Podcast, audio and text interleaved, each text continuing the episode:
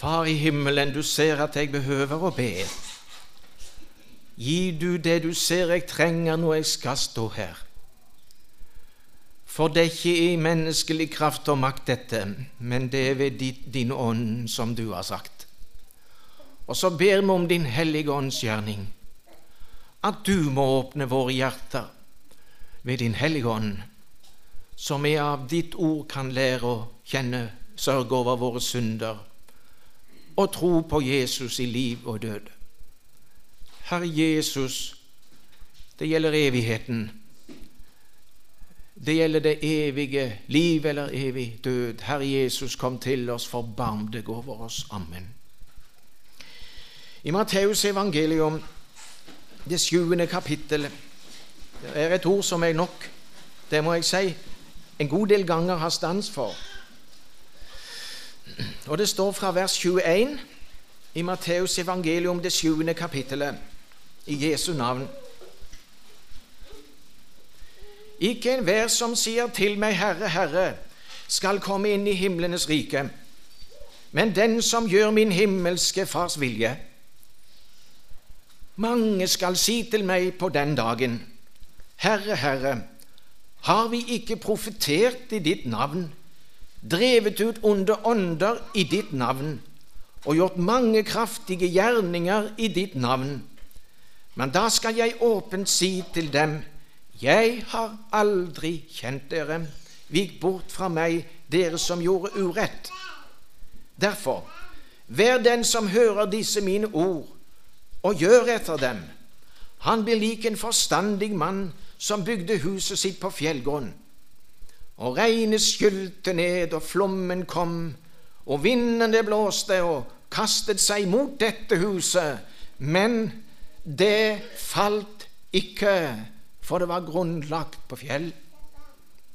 Men den som hører disse mine ord og ikke gjør efter dem, han blir lik en uforstandig mann som bygde huset sitt på sand. Og regnet skylte ned, og flommen kom, og vindene blåste og kastet seg mot dette huset, og det falt, og fallet var stort. Og det skjedde da Jesus hadde endt denne talen da var folket slått med undring over hans lære, for han lærte dem som en som hadde myndighet, og ikke som deres skriftlærde. Amen. Jesus er i avslutningen av bergprekenen. Men det er ikke galt å si at det ordet vi har lest, det fører oss inn i framtida. Guds ord taler ikke bare om den tid som har vært, den taler om den tid som er nå, og den taler om framtida. Det kommer en dag, og vi sang det her. Signal skal lyde klart i høye toner. Enhver skal skjønne hvem det er som troner. Når, når jord og himmel settes skal i brann, da går det galt med verdens store stand. Der kommer en dag da Gud skal ha oppgjør med menneskene. Der kommer også en dommens dag. Vi har lest en alvorlig tekst. Og eh, Jesus han eh, sier her at eh, det er ikke alle som tror de skal komme inn, som kommer inn. At de ikke kommer inn i himmelen som lever ubotferdig i sine synder, dette vet vi. At folk som spotter Gud og lever borte fra Han, går fortapt, det vet vi. I første Korinterbrev, det, det sjette kapittelet, står dette uttrykt på en veldig klar måte. Vet dere ikke, sier Paulus, at de som gjør urett, skal ikke arve Guds rike? Far ikke vil. Verken horkarer eller avgudsdyrkere eller ekteskapsbrytere eller de som lar seg bruke til unaturlig utukt, eller menn som øver utukt med menn, eller tyver, eller pengegriske, eller drankere, eller baktalere, eller røvere skal arve Guds rike. Det er noen, Guds ord taler klart, mennesker som lever i sine synder de kommer ikke inn for de har ikke fått syndernes forlatelse. Det fins ikke større lykke å oppleve her på jord enn dette å få sin synd forlatt, ei tolkes det kan med ord. Nå synger det i mitt hjerte, min ånd er så lett og fri. Jeg fant hva jeg søkte, prisje Gud, nå vil jeg hos ham forbli. De har smakt syndernes forlatelse. Men det er ikke denne flokken som lever i sine åpenbare synder, som stenges ute i det Guds ordet vi har lest. For det er faktisk ikke nevnt en eneste av disse syndene her. Ikke en eneste. Og det er det som gjør denne teksten så alvorlig og så tragisk. Det var mennesker som ville være Guds barn. Og det spørs om vi får en liten nøkkel til å forstå dette i det vi hørte i formiddag. Det er snakk om fårekven, der hvor de kristne holder til, der hvor Guds folk holder til, der hvor Jesus sier 'Jeg er døren'. Den som finner døren inn til fårikveen, den blir frelst. Jesus sier 'Jeg er døren'. Den som går inn gjennom meg, han blir frelst. Og så ble det sagt at en del mennesker gjerne anstrenger seg for å klatre over annensteds. Og så finnes de inne i kveen sammen med de andre og er veldig engasjert i alt det de skal gjøre for Gud. Ja, kanskje vi også treffer noen av disse i det sjette kapittelet i Johannes. Vi har vært inne på det tidligere disse dagene. For folket, Det var jo noen som ble så begeistra for Jesus at de ville gjøre han til konge. En stor menneskeflokk. Og hvis vi ser i det sjette kapittelet der hos Johannes, så kommer de faktisk i det 28. verset.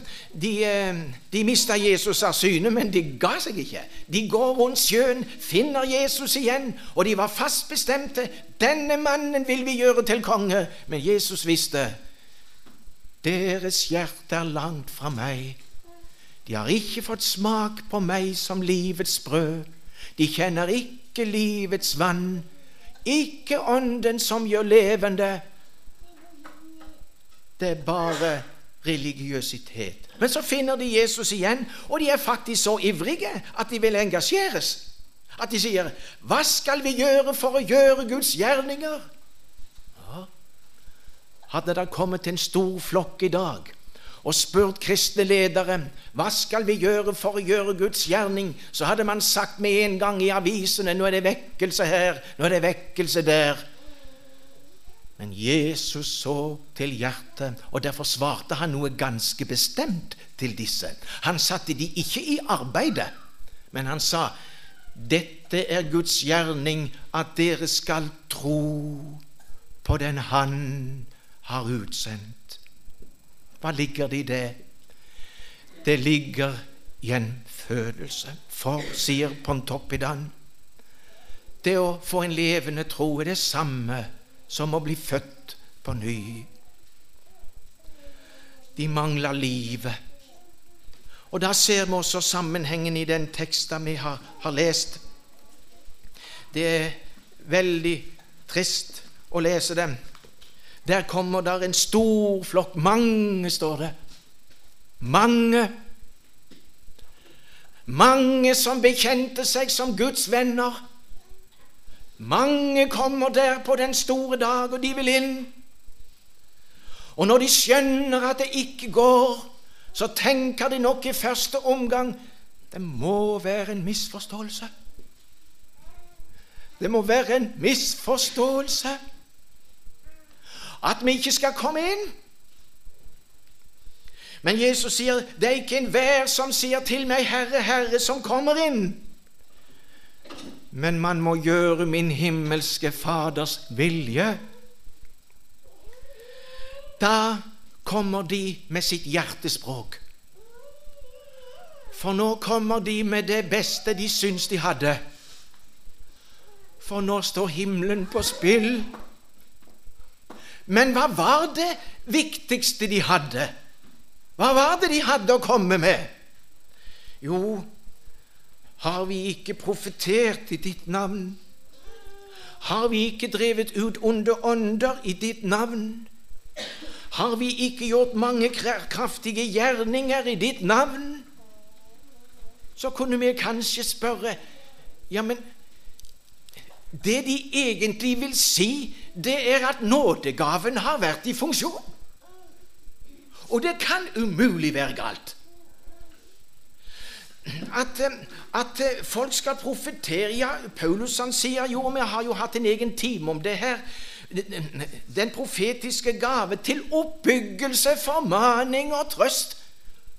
Det skulle jo være i funksjon. Så det, må jo, det, vel, det skulle jo ikke være galt, det. Og at onde ånder skulle drives ut, ja, det er jo en, en, en bibelsk eh, ting. Vi leser det i Bibelen, og vi hører om det eh, fra våre misjonærer på misjonsmarkene. Det er en virkelighet med onde ånder som kan drives ut i Jesu navn. Så det skulle ikke være noe galt med det. Men eh, det holder ikke. Og nå er vi inne på noe veldig vanskelig. Må si det. Og jeg husker vår gamle Øyvind Andersen talte om dette, og han sa at det er så alvorlig at det er nesten vanskelig å si det. For her er det mennesker som regner seg som kristne uten å være det. Og som skjuler seg bak en vellykket såkalt virksomhet og vil inn i himmelen. For vi har jo gjort dine gjerninger på jord. Vi har jo gjort det du ba oss om.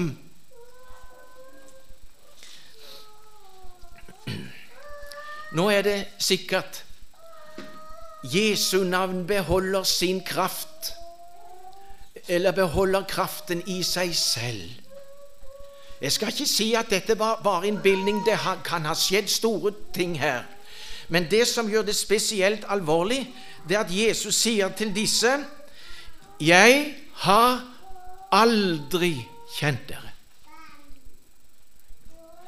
De hadde aldri vært gjennom døra, men de hadde klatra inn over ansteds og mente de hørte til i Guds rike på jord. Og jeg gjentar dette er det vanskelig å tale om. For også jeg er engasjert i en tjeneste i Guds rike her på jord. Men jeg kom ikke inn i himmelen på grunn av det. Er du klar over det? Mange av dere tenker om prester og predikanter, misjonærer. De er halvveis inn i himmelen, de. For det er vel ingen det er vel ingen som går inn i en sånn tjeneste uten å være frelst? Jo, sier Bibelen. Det er det. Det er det. Det ser ut som om de som om de skjuler seg bak en såkalt vellykka virksomhet. Og eh, den tid vi lever i i dag, da er det veldig fokus på en effektiv virksomhet som gir frukt. Vel å merke frukt som vi med våre øyne godtar. Men vi må spørre, O Herre, er jeg en av dem, vil du meg kalle din? Står jeg for deg som hine fem med lys i lampen min. Så blir predikantene frista til å tenke ja, men dette er bare begynnelsen på kristenlivet. Vi må komme bort fra dette, og så må vi gjøre et skikkelig arbeid og konsentrere oss om det. Det skal vise seg fra først og til sist det store under er å bli bevart i nåden. Og disse, står det, de hadde han aldri kjent, og det de gjorde, sier Jesus, det er urett. Urett, sier han. Men nå sitter du her, og jeg står her. Vi må si noe mer. Hvordan kan falskheten avsløres. Og da har jeg mange ganger tatt et bilde. Eh, når jeg gikk på skolen, så var det et fag som jeg ikke likte så veldig godt, og det var regning. Og eh, matematikk heter det vel nå. Når disse kalkulatorene kom, da mm, ble det bedre, altså. Og jeg kan godt huske jeg satt på skolen når det var regneprøve, og jeg tørka på svetten, og jeg, jeg, hadde store problemer. Og ja, jeg lot læreren tro at jeg satt der og grubla veldig og skrev noen tall. Det er ikke alt jeg fikk til på langt nær. Det var en fristelse å kikke over skuldra på han som satt foran, og se hvordan han hadde gjort regnestykket. For jeg visste at han var flinkere enn meg til å regne. Jeg, eh, jeg eh, juksa ikke så mye sånn, jeg kan ikke akkurat si det, men nå skal jeg eh, La oss tenke det er du som sitter. Det er litt å tale om deg hvis vi snakker om å jukse. Ikke sånn det ja. Nei, det er du som sitter der. Og så får du ikke til regnestykket. Og så kikker du over skuldra på nestemann, og så ja, 'Å ja, det er helt sikkert han kan det.' Og så skriver du ned ja, Så skriver du ned akkurat det samme. Og så tenker du 'Det er nok rett, for han kan det'. Og så kommer uh, læreren og samler inn uh, boka. Og når boka kommer tilbake, så står det en fin R på regnestykket. Og så sier du 'Ja, var det ikke det jeg visste?' Det var rett. Jeg trodde det var rett. Ja. Men du, du mangler den fulle glede, for du hadde stjålet. Og fikk du en prøve med det samme regnestykket om noen få dager, så hadde du ikke kunnet gjøre det, for du hadde stjålet det. Det var ikke ditt. Der er mange som oppfører seg som kristne uten å være født på ny. Du har stjålet forskjellige ting som du gjør. Du gjør det samme som de. Og når du merker at du blir akseptert i flokken, så er du godt fornøyd. Men Gud ser til hjertet. Sønn, gi meg ditt hjerte, står det. Det er det han vil. Det er det han vil. Det må bli, det må bli sannhet der inne. Og når Jesus sier her ikke enhver som sier til meg 'Herre, Herre', skal komme inn i himmelens rike, men den som gjør min himmelske Faders vilje Ja, sier lovtrellen, det er jo nettopp det vi holder på med. Vi vil gjøre Hans vilje. Paulus før omvendelsen. Jo, vi vil gjøre Hans vilje. Gjøre Hans vilje, gjøre Hans vilje. Men det ligger en dypere mening i det. Det er ikke bare å høre ordet, men å gjøre etter ordet. Det er ikke snakk om bare kunnskap, men hjertets kjennskap. Og når hjertet begynner å få kjennskap til syndene, så du kjører deg fast, da er det velsigna med hjertets kjennskap til Han som er synderes venn. Det er en smerte som er veien til Jesu hjerte. Det er noe som Paulus han taler også i Tessalonika-brevet 1. Han sier, vers 5 For vårt evangelium kom ikke til dere bare i ord, men også i kraft og i Den hellige ånd og med full overbevisning. Evangeliet det var ikke noe teoretisk bare, men det ble åpenbart i ditt hjerte, så ditt hjerte fikk tro, nåde, på grunn av hans stedfortredende lidelse og død. Dette skal vi si litt mer om. For nå, nå har vi skildra en stor flokk som vil inn i himmelen uten å kunne komme inn fordi de ikke eide liv i Gud. Så taler Jesus om to husbyggere og to tomter, eller grunner som husene står på. Og Dette kjenner vi godt til helt fra søndagsskolen. Det er helt sikkert det. Og så taler altså Jesus om Han som bygde på fjell og så kommer den store stormen, og der kommer en stor storm. Dommens storm og flom. Der kommer en, noe eh, som eh, som eh, truer med å rive begge husene over ende. Men det ene huset sto på fjell, og det besto, og det andre huset ramla sammen, for grunnen holdt ikke. Og Nå skal vi stoppe litt for det, fordi at alle her som vil være Guds barn, vet vi må bygge på fjell. Vi må bygge på fjell. Og nå viser Bibelen oss iallfall to fjell som det bygges på. Det ene er Sinai, der hvor loven ble gitt. Det ene er Golgata, der hvor Jesus proklamerer det er fullbrakt. Den som bygger på Sinai, der gjelder bare det du har gjort. Der gjelder bare det du pønsker ut, dine krefter. Det gjelder bare det du gjør. Det gjelder der. Gjør det, så skal du leve, sier loven. På Golgata lyder et annet budskap. Det er fullbrakt. Lammet er verdig. Nåden er fullkommen. Han som ikke visste at synd, ble gjort til synd for oss for at vi ham skulle bli rettferdige for Gud. Det første et menneske spør etter når det blir vakt, det er 'Hva skal jeg gjøre for å bli kristen?' Den rike unge mannen spurte sånn. Overalt så hører vi det, og det stemmer, det. 'Hva skal jeg gjøre for å bli en kristen?' Sinai svarer med Guds vilje, gjør dette, så skal du leve.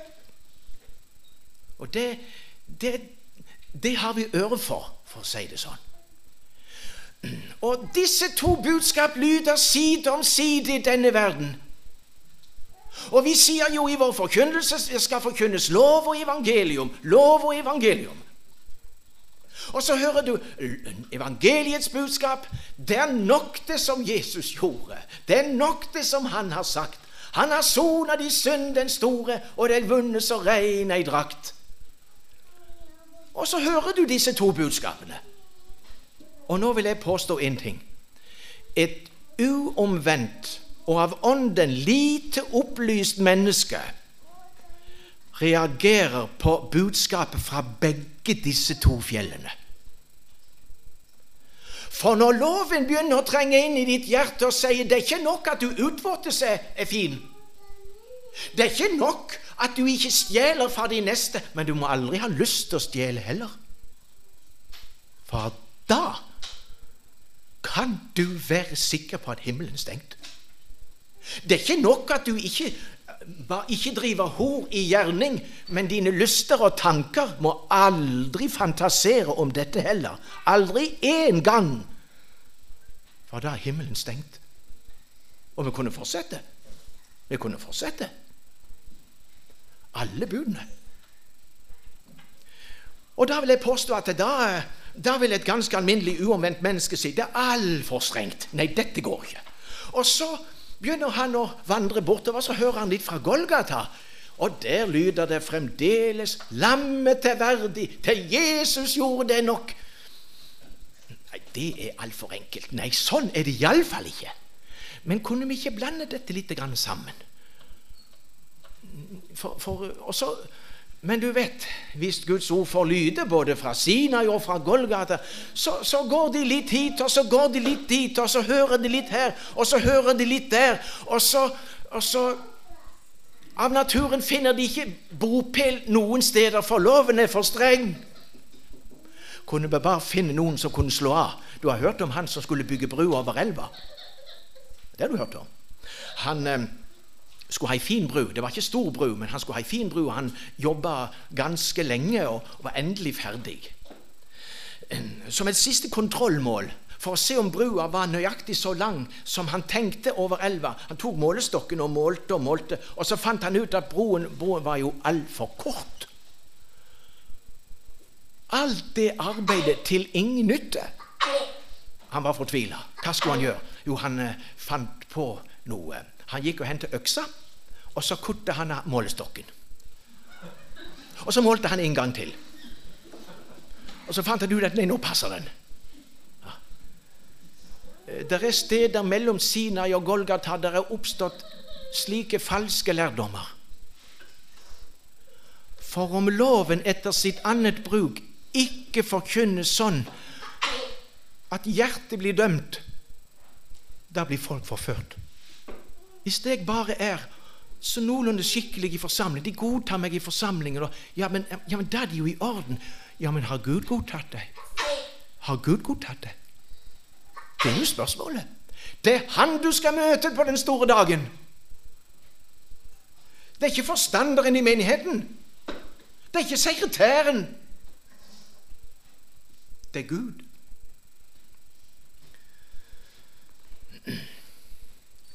Så hender det at loven begynner å slå inn, slik som hos Paulus. Og da fikk han problem. Ja, han fikk faktisk så stort problem at han sa 'Jeg døde' i Romerbrevet 7. Jeg døde. Håp om å makte å bli som Gud vil ha oss, det døde. Men han fikk høre et annet budskap fra Golgata. Nå har jeg lyst til å spørre før jeg går videre hvor bor du? På Golgata eller på Sinai? Mm, først et litt dumt spørsmål. Hva vil det si å bo? Ja, det er jo der jeg har hus, ikke sant? Jeg vet jo hva det vil si å bo, vil du si. Jeg satt på toget for mange, mange år siden, og så eh, kommer der et ektepar med noen store kofferter. Og Han kom først med en stor koffert opp på hylla og satte seg og tørket svetten. Og så kommer kona etterpå med en koffert opp på hylla, og hun tørker også på svetten. Og så sa hun det skal bli godt å komme hjem. sa hun. De hadde vært på ferie og var utslitt. Det så iallfall sånn ut. Det skal bli godt å komme hjem. De bodde et sted. De følte seg hjemme der. De slapp det av der. Du veit hva det vil si å bo. Bor du på Sinai? Hvordan greier du det? Gud blir jo aldri fornøyd med deg. Han vil jo alltid dømme deg.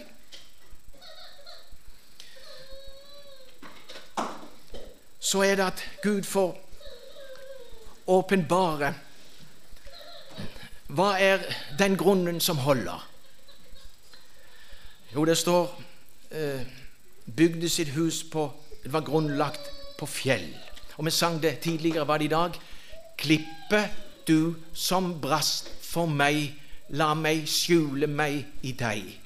La det vann og blod som går fra din sides åpne sår, bli for meg en helseflot som gjør sjelen ren og god.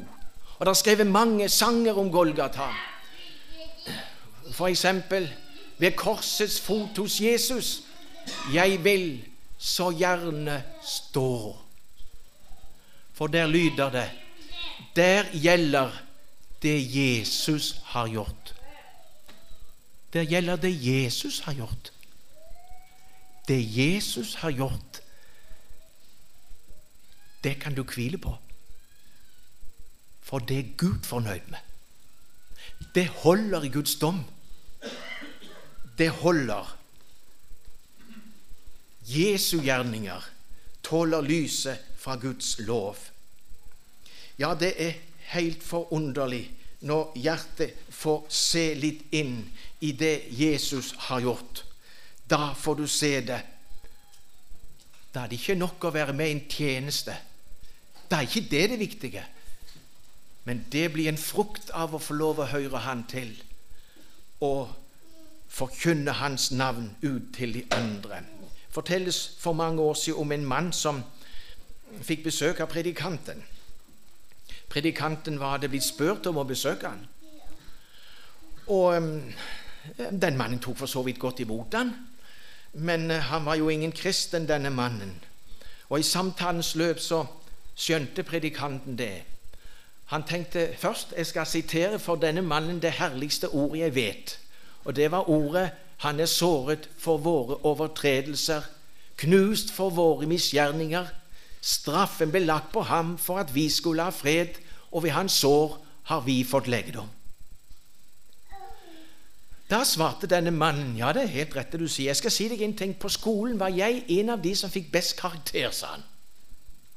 Så eh, Han var helt på linje tilsynelatende med predikanten, og predikanten skjønte jeg har ikke nådd han enda. Og så sa han noe mer, for det var nemlig sagt noe.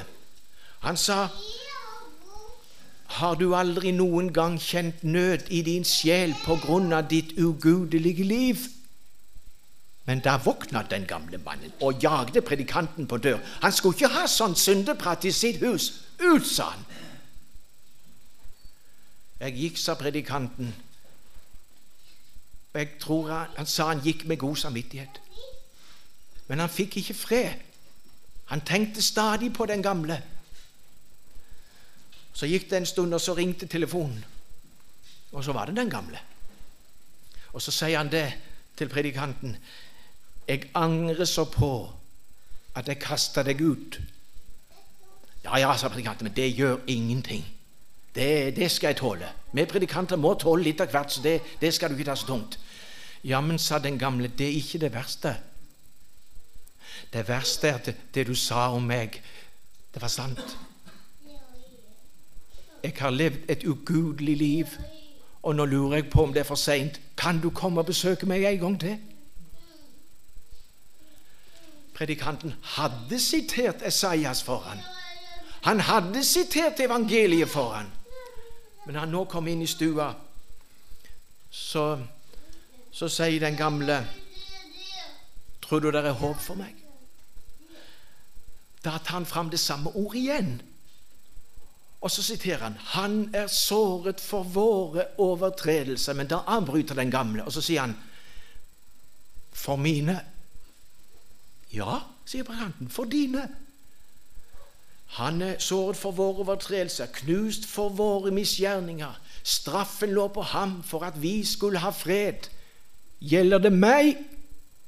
Ja, sier predikanten. Det gjelder deg. Og ved hans sår har vi fått legedom? Har vi fått legedom? Og da var det akkurat det samme hos den gamle. Hjertets gjenklang. Gjelder det meg? Og han fikk lov å tro. Det var evangeliet. Men da, da, var det ikke så lett å tro. For da var det ikke, var det ikke lenger en teori. Da hadde han kommet inn på grunnen, på fjell, på klippen.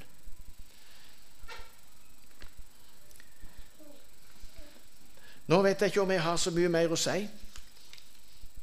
Hvor bor du? Det er nok det som Jesus gjorde. Det er nok det som han har sagt.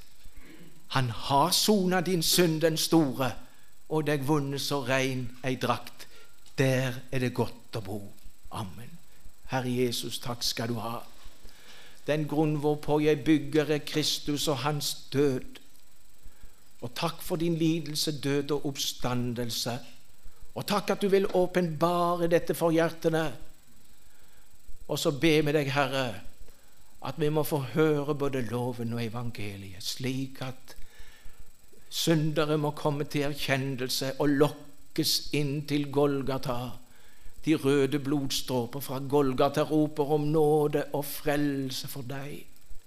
Og så tenner du et nytt liv det blir en ny vandring, en ny trang, og det blir tjeneste, ikke for å frelses, men fordi vi er frelst. Amen.